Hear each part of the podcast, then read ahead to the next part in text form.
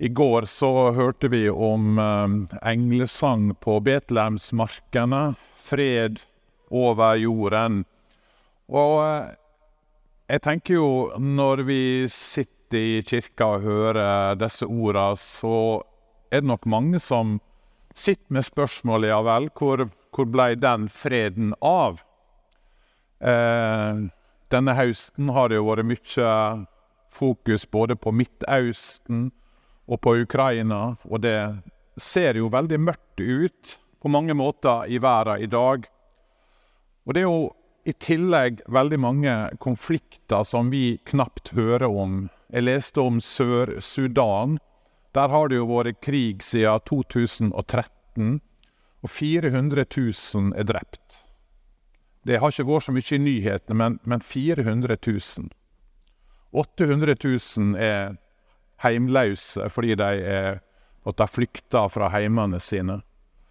Eller Burkina Faso. 1,2 millioner flyktninger i det landet der nå. Så hvor er denne freden? Hva betydning har jula, da? Kan vi jo spørre. Og det må vi få lov til å spørre. For hvis det var slik at det englene sang om, var at det skulle bli en fred sånn som vi ønsker det, uten krig og uten krangel og uten nabofeide, så virker det som det var mislykka, dette her.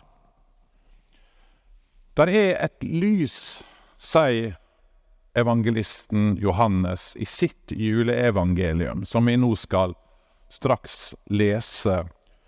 Et lys som skinner i mørket, det sanne lyset et lys som mørket ikke har overvunnet, verken på Johannes si tid eller seinere, sier han.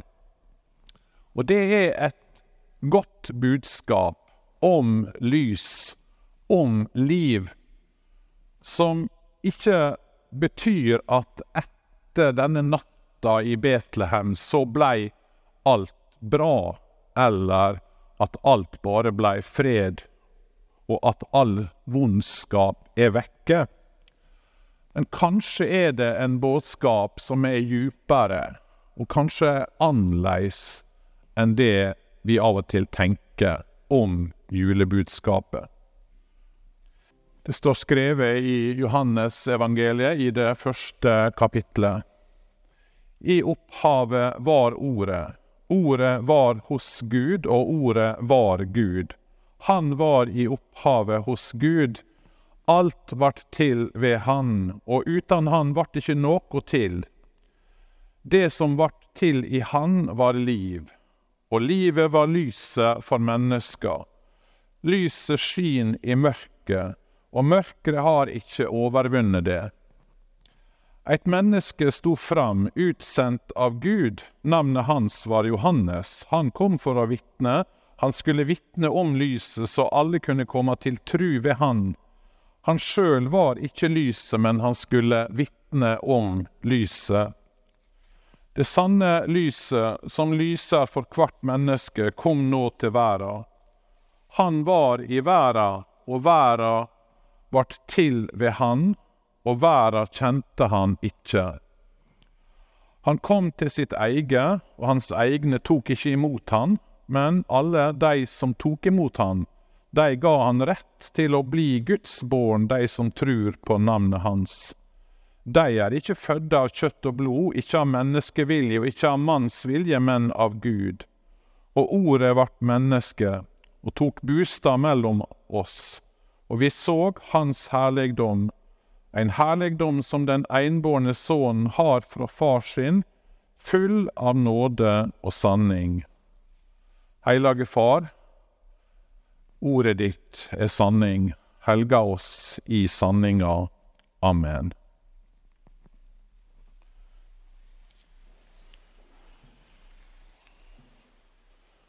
Mørket har ikke overvunnet lyset, sier Johannes. Og dette skriver da Johannes eh, ca. 70-80 år etter at dette skjedde.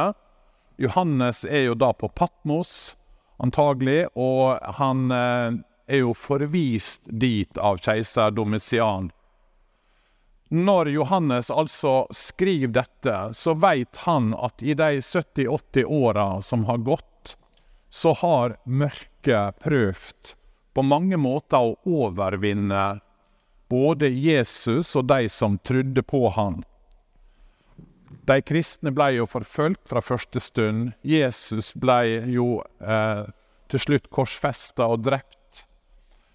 Og vi leser jo helt fra første stund i juleevangeliet hvordan denne lille familien ikke fikk være i Betlehem, men måtte flykte veldig fort. Fordi dette barnet var fra første stund en trussel mot de mektige, de som satt med makta. Og den mektigste mannen i dette området, det var jo Herodes. Han eh, var skikkelig bekymra. Han blir redd. Han legger en plan for å ta livet av dette barnet i krybba.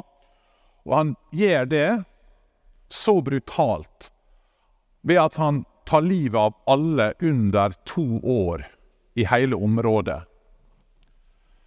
Og Da forstår vi jo fort at juleevangeliet det er noe annet enn ei koselig historie. I sentrum av juleevangeliet er et barn, men et barn som gir krav på å være kongenes konge og herrenes herre.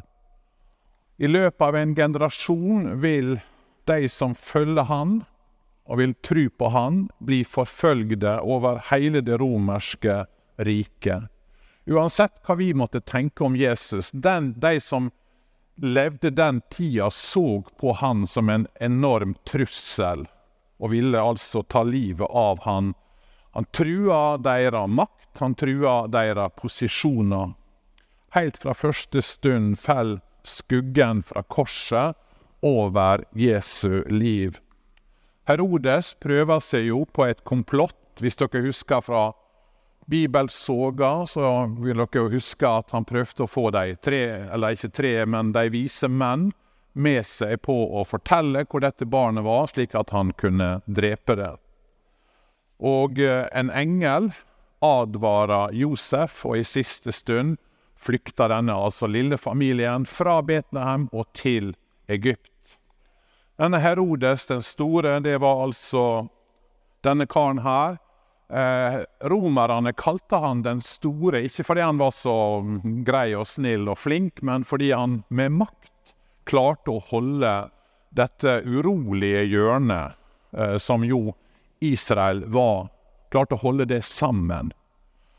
Eh, og Derfor kalte de han den store, men han var en maktperson av verste slag. Han nølte ikke med å drepe sine egne familiemedlemmer inklusiv at han tok livet av sin egen kone i år 29 før Kristus.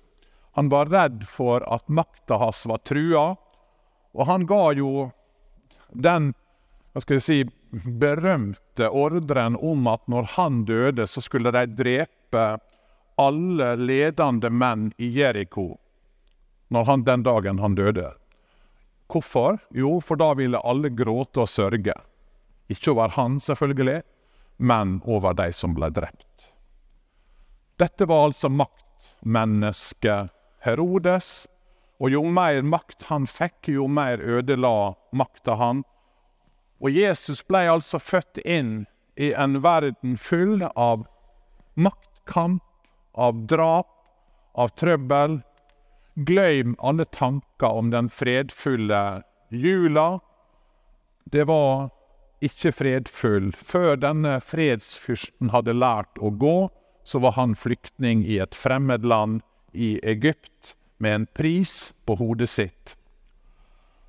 Det er ikke det siste vi får høre om Herodes-slekta, for sønnen til Herodes den store, han Herodes Antipas, det var han Herodes vi hører om i påska, han som halshogg døperen Johannes, og som altså kler Jesus i purpurkappa og er med på å gjennomføre korsfestelsen av han. Jesus vekte motstand. Han kom til sitt eget, sier Johannes, men hans egne tok ikke imot han. Hvorfor var det slik? Mykje tyder på at Jesus altså utfordra makta, og det tålte ikke de. Ikke fordi at Jesus sjøl ville ha posisjonen til Herodes, men fordi han var en annerledes konge, som altså sier 'Jeg er Gud', og han, Gud er den eneste som skal tilbes. Herodes skal ikke tilbes, Cæsar skal ikke tilbes, bare Gud skal tilbes. Det vesle barn i Betlehem, synger vi, han var en konge stor, som kom fra himmelens høye slott. Og er det noe mennesket til alle tider har hatt problemer med, så er det jo at han sier 'jeg er verdens konge'. Bare jeg skal tilbes.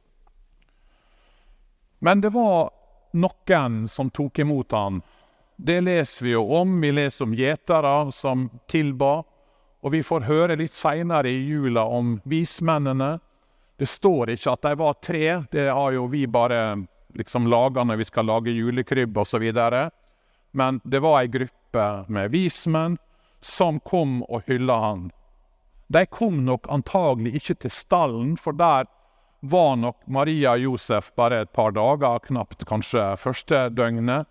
Eh, de bodde nok i Betlehem ei stund, men da fant de nok bedre plass å være. Hvor mange de var, det vet vi altså ikke, men det som vi tyder på, det er jo at de kom fra det som er dagens Irak. Det betyr at de må ha reist ca. 100 mil for å tilbe dette barnet.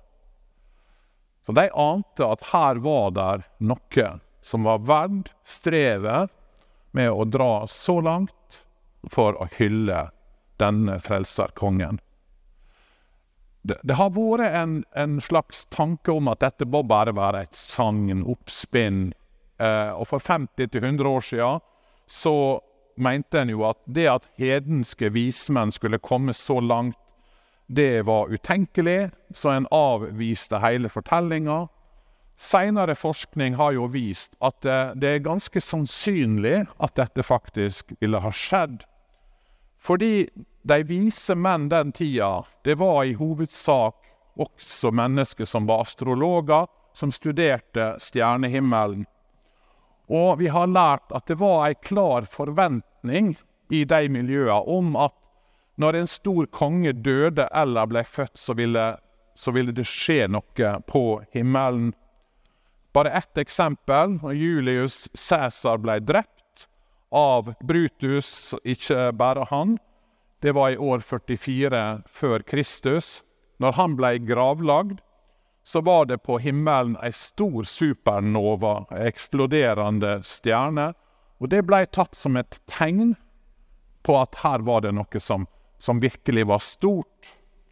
Det blei nærmest et bevis på at når en stor konge blir født eller død, så skjer det noe på himmelen. Og I tillegg så var det i disse miljøene et veldig sterk forventning om at det skulle komme en konge i Judea. Altså i området rundt Jerusalem. Mange historikere har skrevet om dette. Så det er ikke så utenkelig.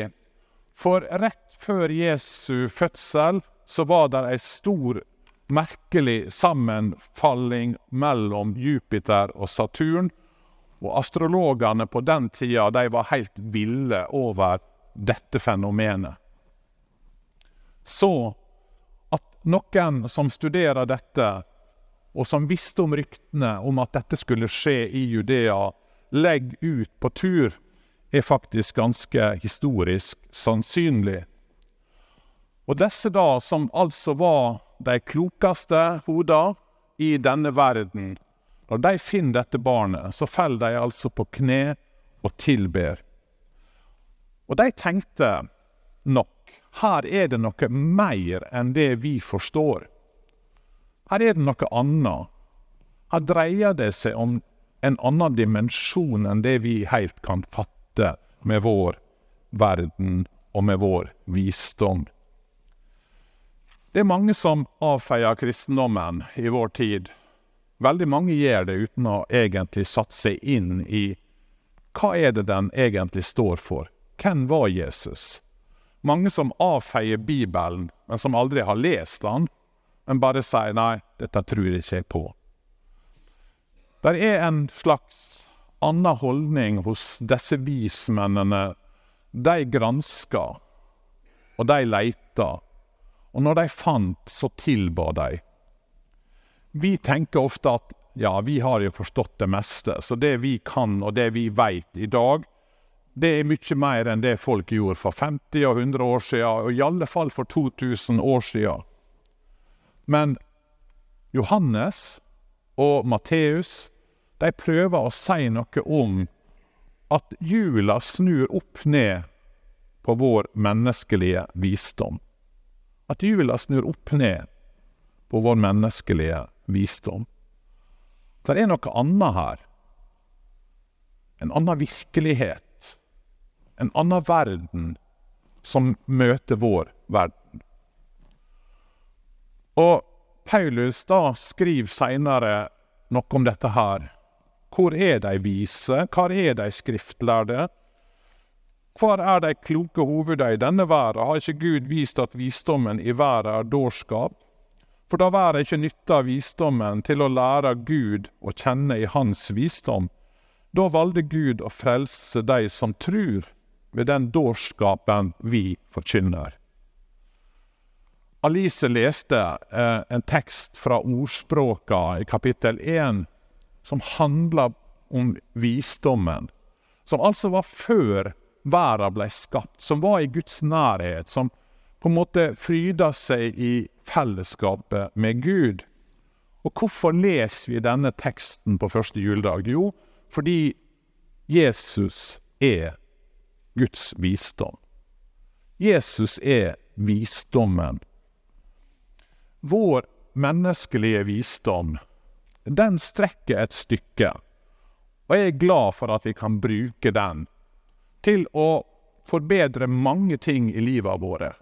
Til å lære ting. Men den strekker ikke mer enn et stykke i forhold til det som har med den åndelige dimensjonen å gjøre, det som har med Gud å gjøre der er vi avhengige av noe annet.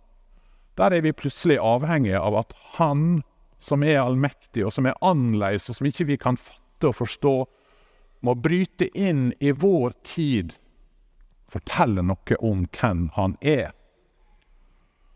Og Det var jo det vi leste fra Hebreabrevet også. ikke sant? Mange ganger har Gud talt gjennom profetene, men nå, sier forfatteren, har han talt gjennom Sønnen nå har altså Guds visdom blitt åpenbæra. Nå har Gud sjøl blitt åpenbæra, og han gjør det på en merkelig måte, på en litt uforståelig måte for oss gjennom å komme til oss i Jesus Kristus.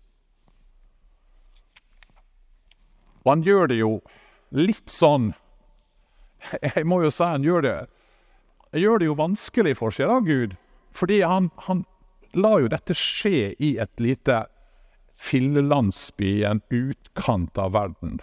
Han, det er ingen store fanfarer og, og, og eh, janitsjarkorps og, og sånne ting som skjer når Jesus blir født. Han ble ikke født i Alexandria eller i Roma, som var det naturlige senteret i verden. Ble født i Betlehem.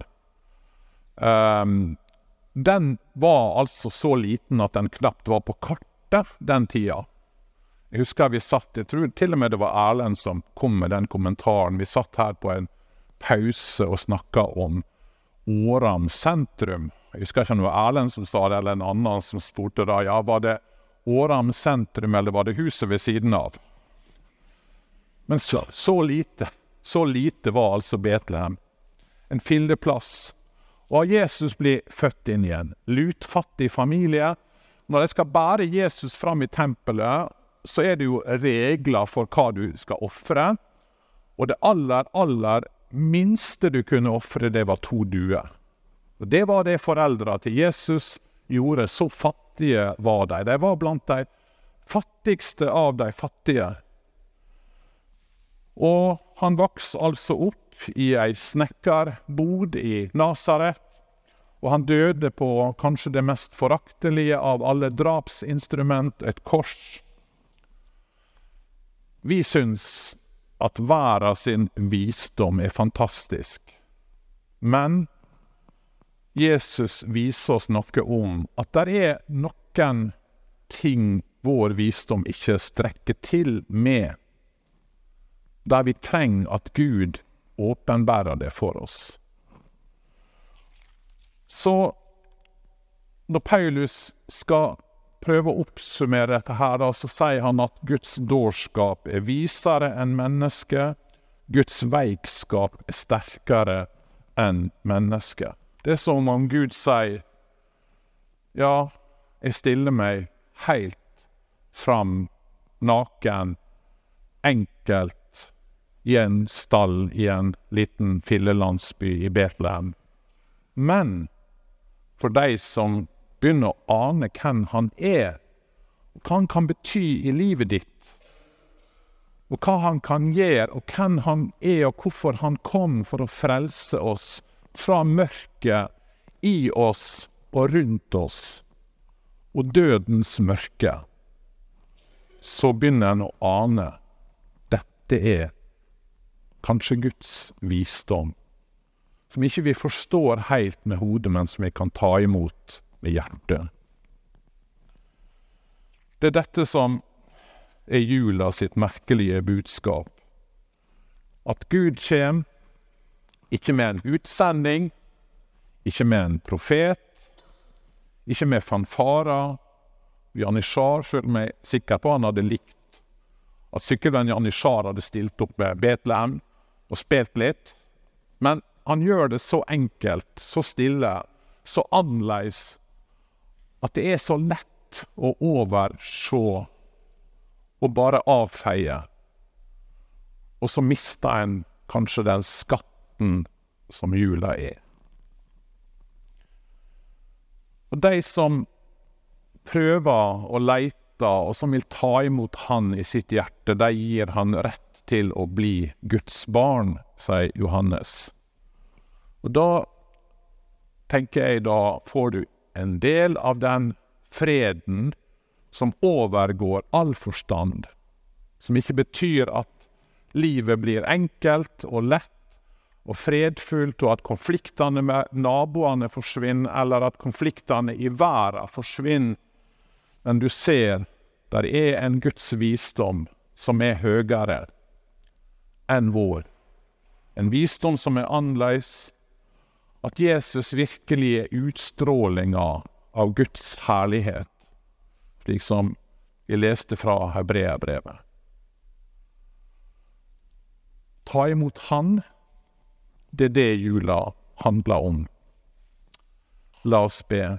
Jesus, du kom på en merkelig måte, uten de store fanfarene, og du trenger det faktisk ikke på den gangen, og du trenger det ikke på i våre liv i dag men du inviterer oss til å åpne våre hjerter for deg, for det budskapet du kom med, og for den freden som du ønsker skal få prege våre liv og våre hjerter. Amen.